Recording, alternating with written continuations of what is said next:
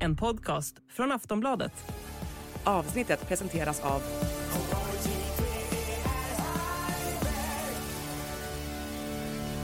Stödlinjen.se, åldersgräns 18 år. Hej och välkommen till Åsiktskorridoren, en podd från Aftonbladet Ledare. Idag pratar vi om Magdalena Anderssons klänning, om mobilförbud löser gängbrottsligheten och om Annika Strandhäll ger oss nytt hopp. En podcast från Aftonbladet Ledare.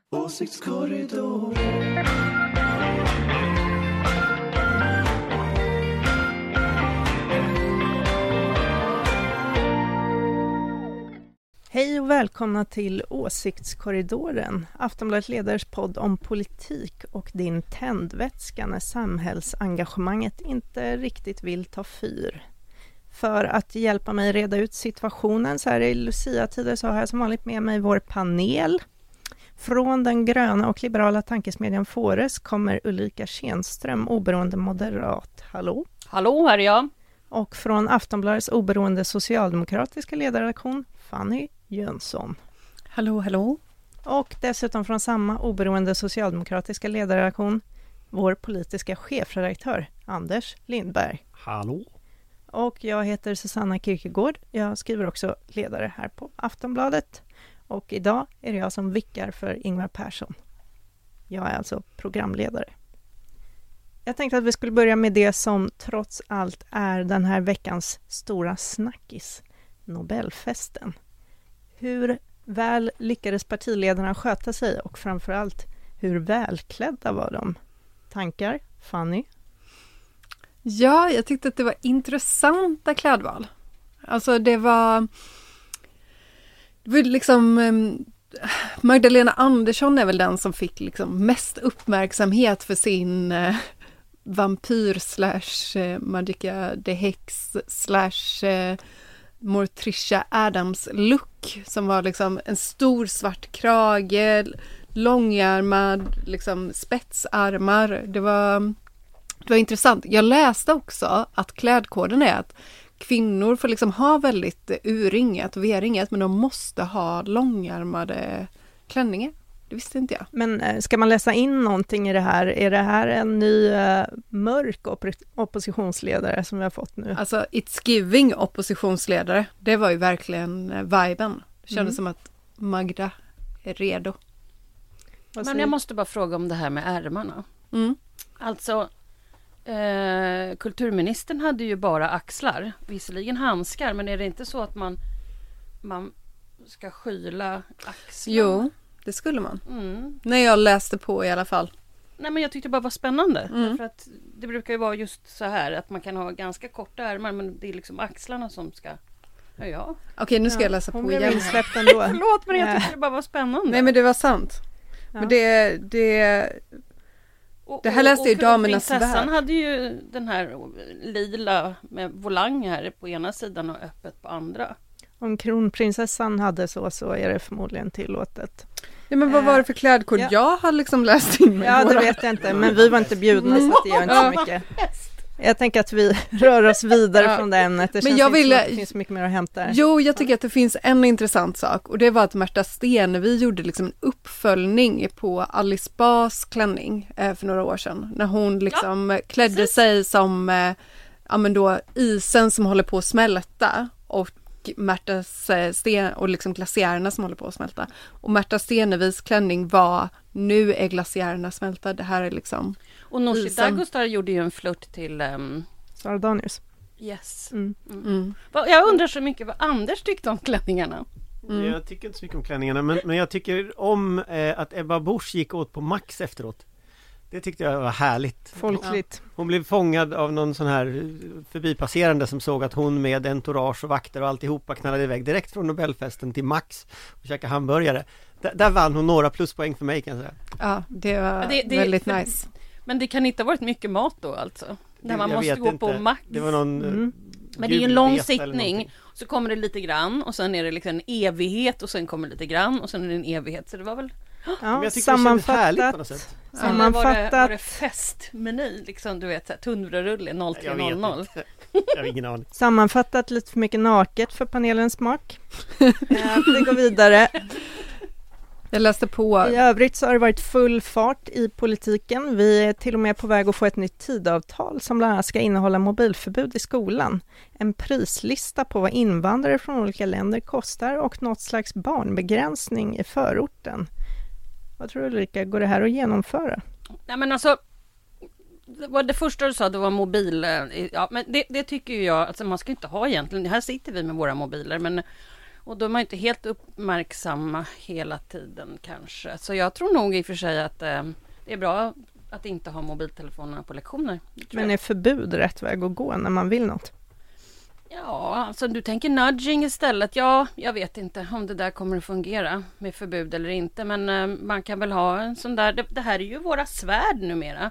Jag tycker att så här kan man.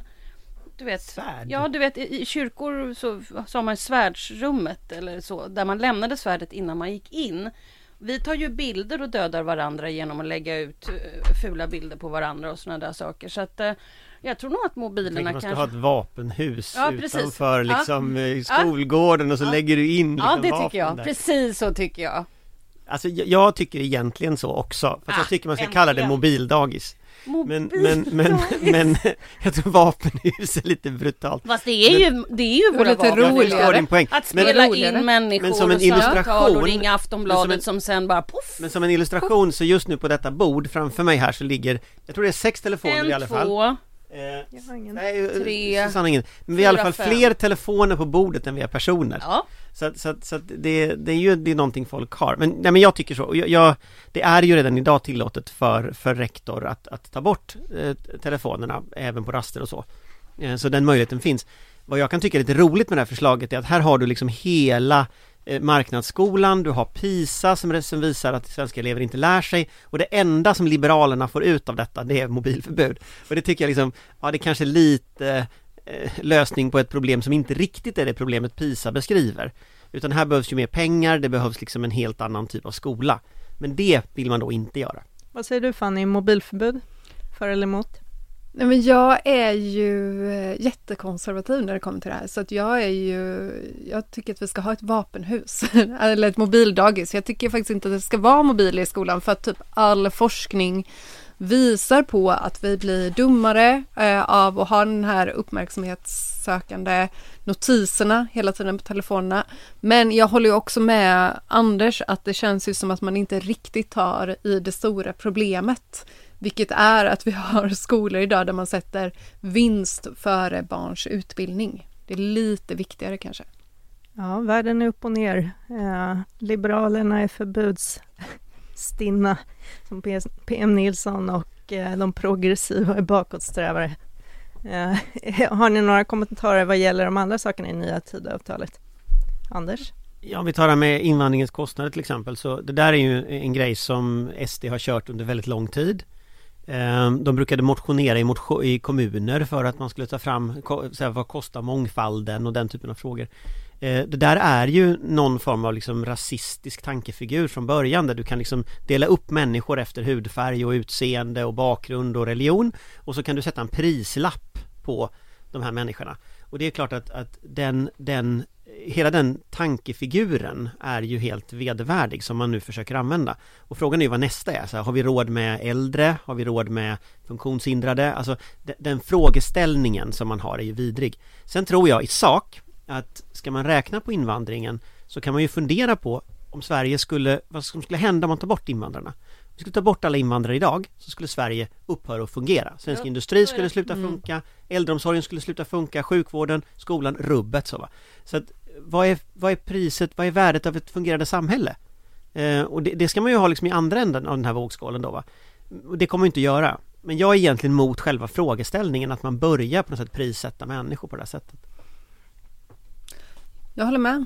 Det är ju också intressant, liksom, hur mycket kostar en koranbrännare som SD har finansierat? Det vad kostar en arbetslös vit man på landsbygden? Alltså, att räkna på människor eh, tar ju bort hela värdet av vad en människa är. Som att vi bara kan liksom mätas i produktion. Det Ja, känns och jag tänker absurt. att ehm, man måste som Anders säger eh, räkna på det de de, de som kommer hit tillför. Vilket ju är också en, en, en, en ja, man får ju tillbaka någonting där och då måste det ju jämföras och, och jämkas med det. Så, så, att man måste ju räkna åt båda hållen. Jo, där måste man också tänka sig vad är värdet av öppenhet? Alltså, tänker vi på vad, vad är Sverige idag? Ja, Sverige är en ledande exportnation. Vi har en öppenhet mot omvärlden som gör att nya idéer, nya människor kommer till Sverige. Eh, vi har en innovationsklimat som gör att vi är bland de rikaste i världen. Okej, om man inte är en öppen nation, har man då den typen av klimat? Har man det typen av välstånd? Skulle svensk industri existerat utan arbetskraftsinvandring till exempel? Och svaret på de frågorna är ju att nej, det skulle inte gått så bra. Så att liksom hela den tankevärlden som SD lever i, att det här är ett problem, tycker jag är helt vrickad. Jag tycker den är, den är ganska otäck och att den slår igenom i regeringspolitik gör ju att nu ska de då sätta någon nationalekonom och räkna på det här. Eh, lite som den här, alltså man har gjort liknande försök innan. Men jag tror det kommer att bli väldigt kritiserat och det kommer bara kunna användas av de personerna som redan från början liksom tycker som dem. Kanske blir Hassler som kör en tre veckors utredning igen. Det blir väl han Ruist som får räkna. För, här får du räkna liksom, vad så kul. Och sista punkten är då barnbegränsning i förorten. Nej, säger Fanny. Nej, jag vill... Äh... Skaka på huvudet. Ja. Anders? Ulrika?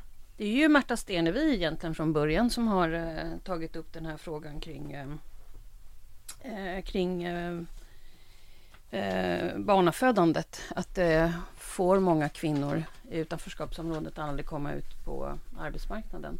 Så att det finns nog någon poäng där någonstans. Och det, jag vet inte hur hon fick eh, när, jag läste på lite om det och det var Märta Stenevi som föreslog det första gången. Så att, eh, vem, vem som har fått fram det här i Tidöavtalet, det vet jag inte. Men eh, det finns ju som en idé som har snurrat på borgerliga ledarsidor ett tag. Anna Dahlberg skrev för några år sedan, eh, hon som nu är statssekreterare till, till Kristersson, hon skrev för några år sedan en text om att stora barnkullar skapade eh, gängkriminaliteten.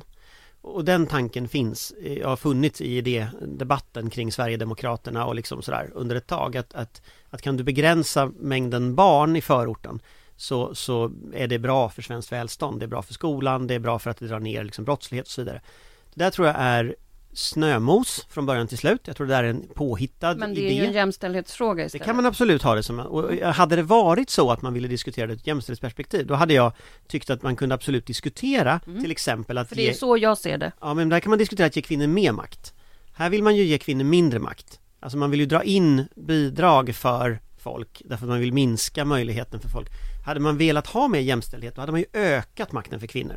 Här minskar man ju makten för kvinnor därför att det handlar inte om det utan det handlar just om man vill ha färre, färre barn i de där grupperna. Eh, jag tycker erfarenheterna av svenska staten ska planera folks barnafödande är ganska dålig. Vi har provat det några gånger under 1900-talet, det gick inte bra. Så jag tycker staten ska hålla sig någon annanstans än sängkammaren, det är liksom min uppfattning. Och en gång tyckte borgerliga personer alltid så. Att det var en privat sfär, det här. Men det tycker man inte längre av någon orsak. Och det där tycker jag är konstigt. Ja.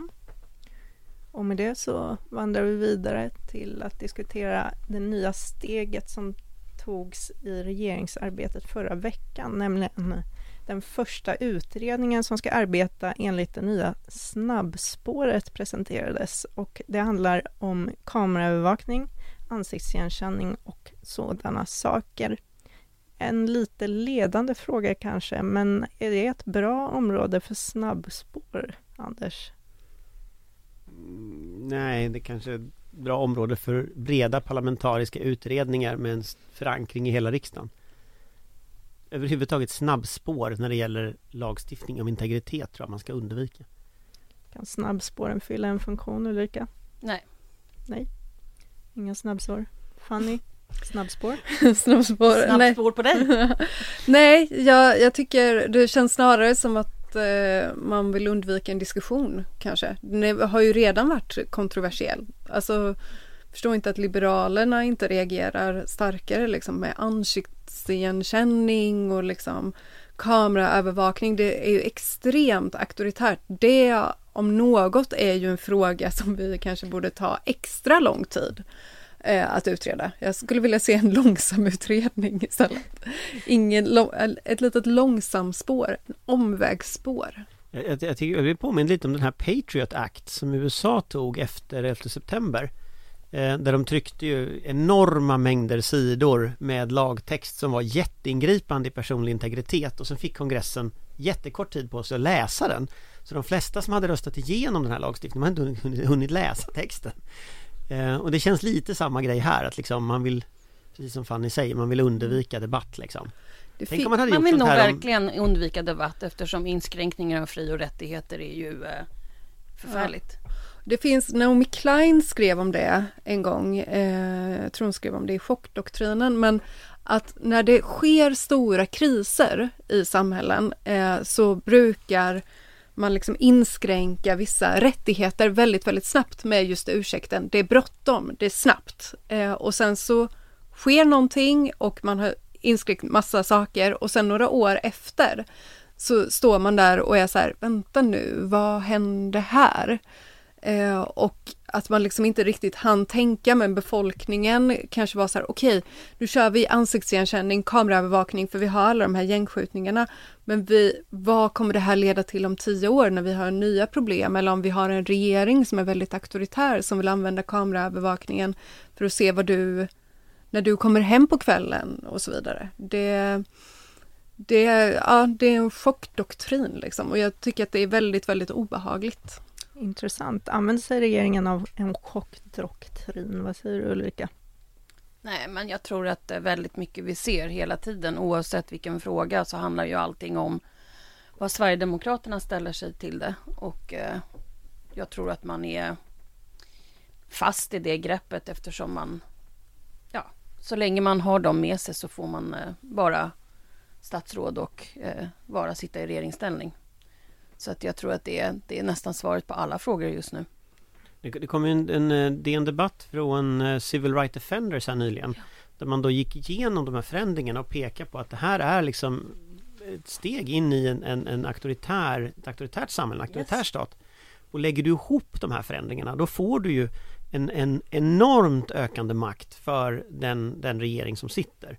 Och, och där tänker jag att vi redan idag alltså kan se fiender till den regeringen, alltså uttalade fiender. En sån är klimataktivister till exempel. Jag skulle bli förvånad om det man nu tar fram och säger att man ska köra mot gängkriminella som till exempel ökad övervakning, avlyssning, eh, tro- trojaner i folks telefoner och så vidare. Jag tror man kommer att sätta in den typen av instrument mot klimataktivister. Det är en tidsfråga tror jag. Eh, jag tror att man kommer att titta på flykting eh, aktiviströrelsen. De som gömde flyktingar, de som protesterade eh, mot det. Samtidigt som man bygger upp de här förvaringscentrumen till exempel vid gränsen när man ska slänga ut folk och sånt. Eller återvändande centrum eller den här typen av verksamhet. Så tror jag man kommer att se vilka är emot det här. Och då kommer regeringen att sätta in den typen av åtgärder mot dem. Så att ger vi de här befogenheterna nu till regeringen då är det inte bara gängkriminella utan det kommer att vara en bred, bred palett av folk Absolut. som Alla, drabbas. alla som hotar den här regeringen. Det, det är en intressant parallell du gör till klimataktivister, Anders, för att det där har redan börjat ske i Tyskland och Frankrike. Alltså flera saker med till exempel hemlig avlyssning. Eh, det har, eh, som Frankrike införde efter liksom eh, attacken mot Bataclan och så vidare, eh, det har man ju börjat använda mot eh, klimataktivister idag. Eh, och eh, nu liksom har ju Macron terrorstämplat, försökt terrorstämpla flera klimatorganisationer i Frankrike och sådär. Eh, för att man då ska kunna använda just de här lagarna som har funnits sedan tidigare. Så att jag tycker att det där är, det är väldigt läskigt och tittar man också parallellt på hur Ulf Kristersson börjar prata om meningsmotståndare och klimataktivister till exempel. När Romina Pourmokhtari var hotad av den här eh, eh, forskaren från Extinction Rebellion som eh, sen visade sig vara liksom pensionerad forskare som bara skulle ställa en fråga om betong. Eh, då ser man ju att här finns ju en viss retorik som kan bli rätt läskig när den kombineras med integritetskränkande lagstiftning. Ja, och där kan vi också se att vi redan idag har sett eh, domstolsväsendet och åklagare använda paragrafen om sabotage. Eh, och paragrafen om sabotage är ju ett, ett otroligt allvarligt brott mot folk som blockerar bilar på gatan. Vilket ju inte är typiskt sett otroligt allvarligt. Sabotage är att spränga Nord Stream. Eh, det är inte att stoppa mig när jag ska åka till jobbet liksom i tio minuter. Eh, Men där använder ju domstolsväsendet den paragrafen redan idag och det var den ju inte tänkt till. Hade hade någon sagt när, när den här lagstiftningen stiftades att ja, men det här ska vi rikta mot miljöaktivister så hade folk garvat. Men nu händer det.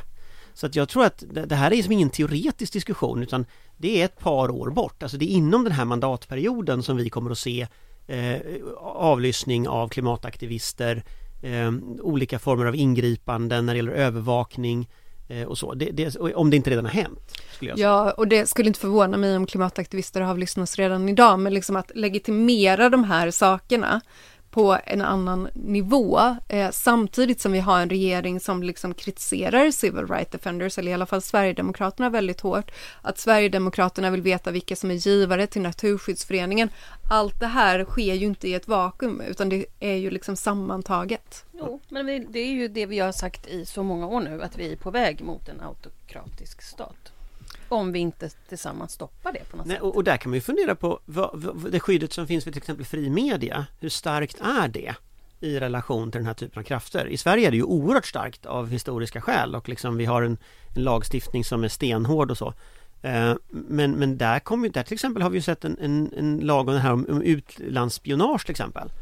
Eh, som ju gör att, att till exempel får man fram uppgifter som kan äventyra den svenska NATO-ansökan Kanske uppgifter som gör Turkiets president arg, han verkar ju ha en viss fallenhet för att bli arg. Eh, Någonstans så går ju gränsen när du inte får publicera det längre. Och liksom det är klart att det där kan också utvidgas. Så att jag, jag tycker man på något sätt på, på område efter område efter område Ser liksom inskränkningar nu som har gått på ett år otroligt fort liksom. Ja, många kloka tankar. Ja, som man brukar säga när man vill avsluta ett ämne och gå vidare till nästa. Eh, Jag tänkte nämligen att vi ska Fin säga övergång. något om oppositionen också. Eh, Socialdemokraterna har ju tillsatt ett antal arbetsgrupper med skräckinjagande långa namn. Eh, Och nu berättar de eh, hur de ser på samhället. Och bland annat så har Annika Strandhäll nu sagt att klyftorna i Sverige har vuxit också under socialdemokratiska regeringar. I helgen så fick det Svenska Dagbladets ledarsida att utbrista att liberalismen är hotad när all ojämlikhet ses som dålig. Plötsligt är det ingen hejd på eländesbeskrivningarna, skrev de och kallade rapporten för ett intellektuellt medlöperi av det allvarligare slaget.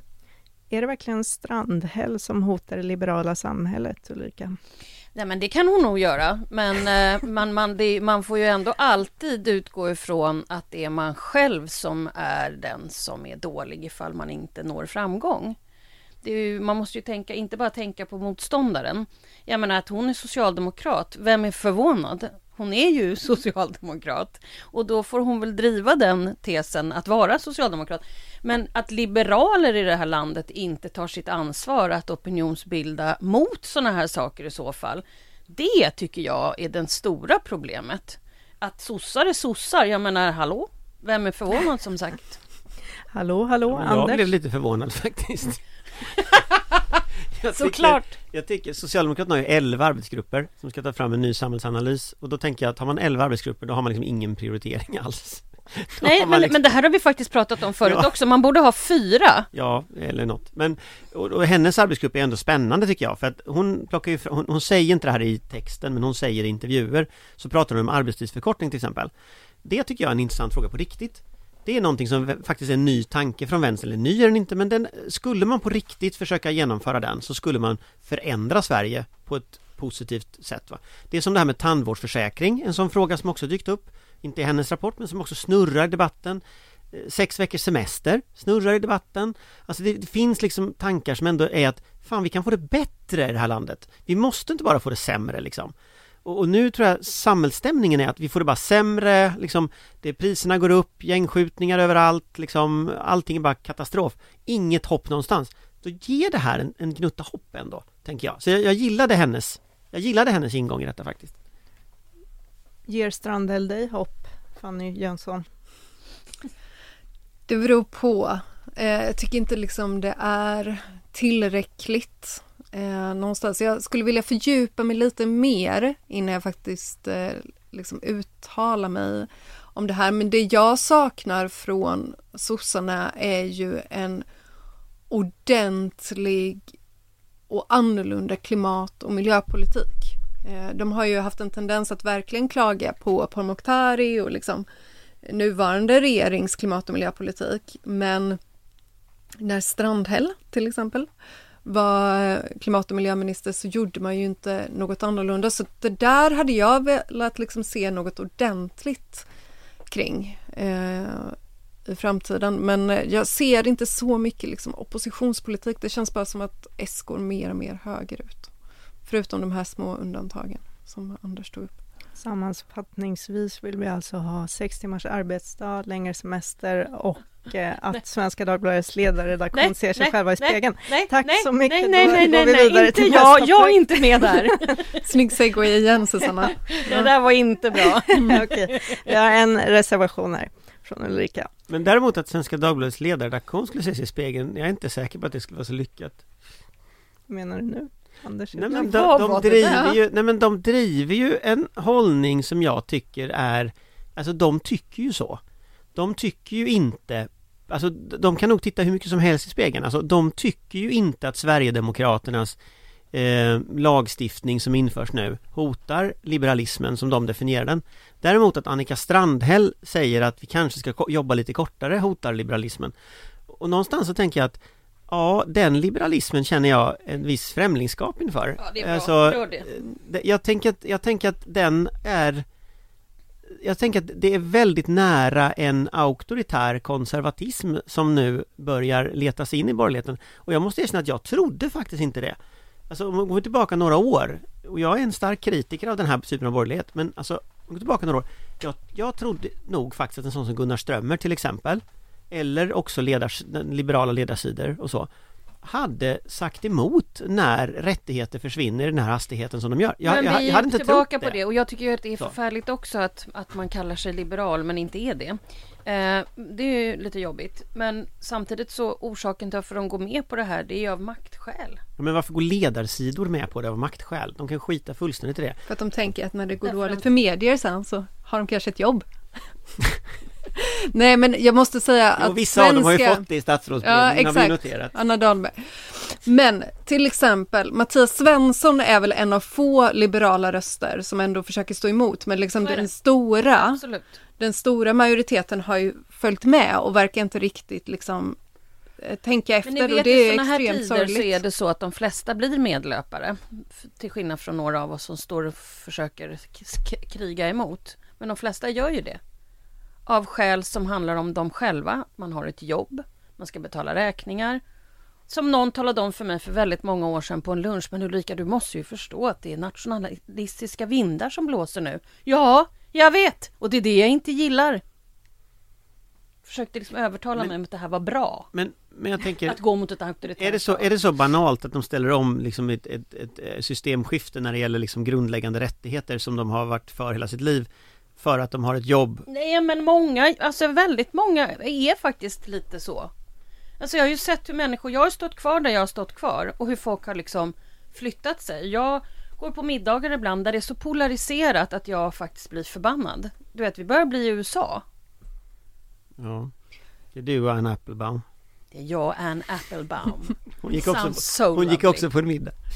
Jag vet, en nyårsmiddag.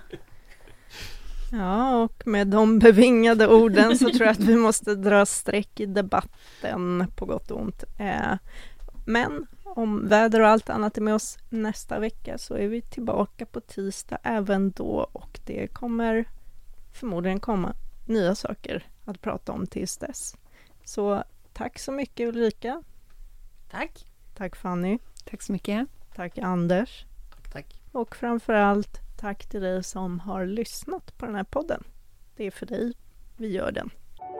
En podcast från Aftonbladet Ledare.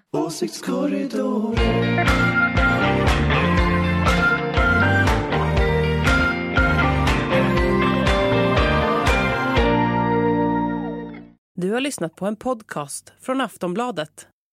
Ansvarig utgivare är Lena K Samuelsson.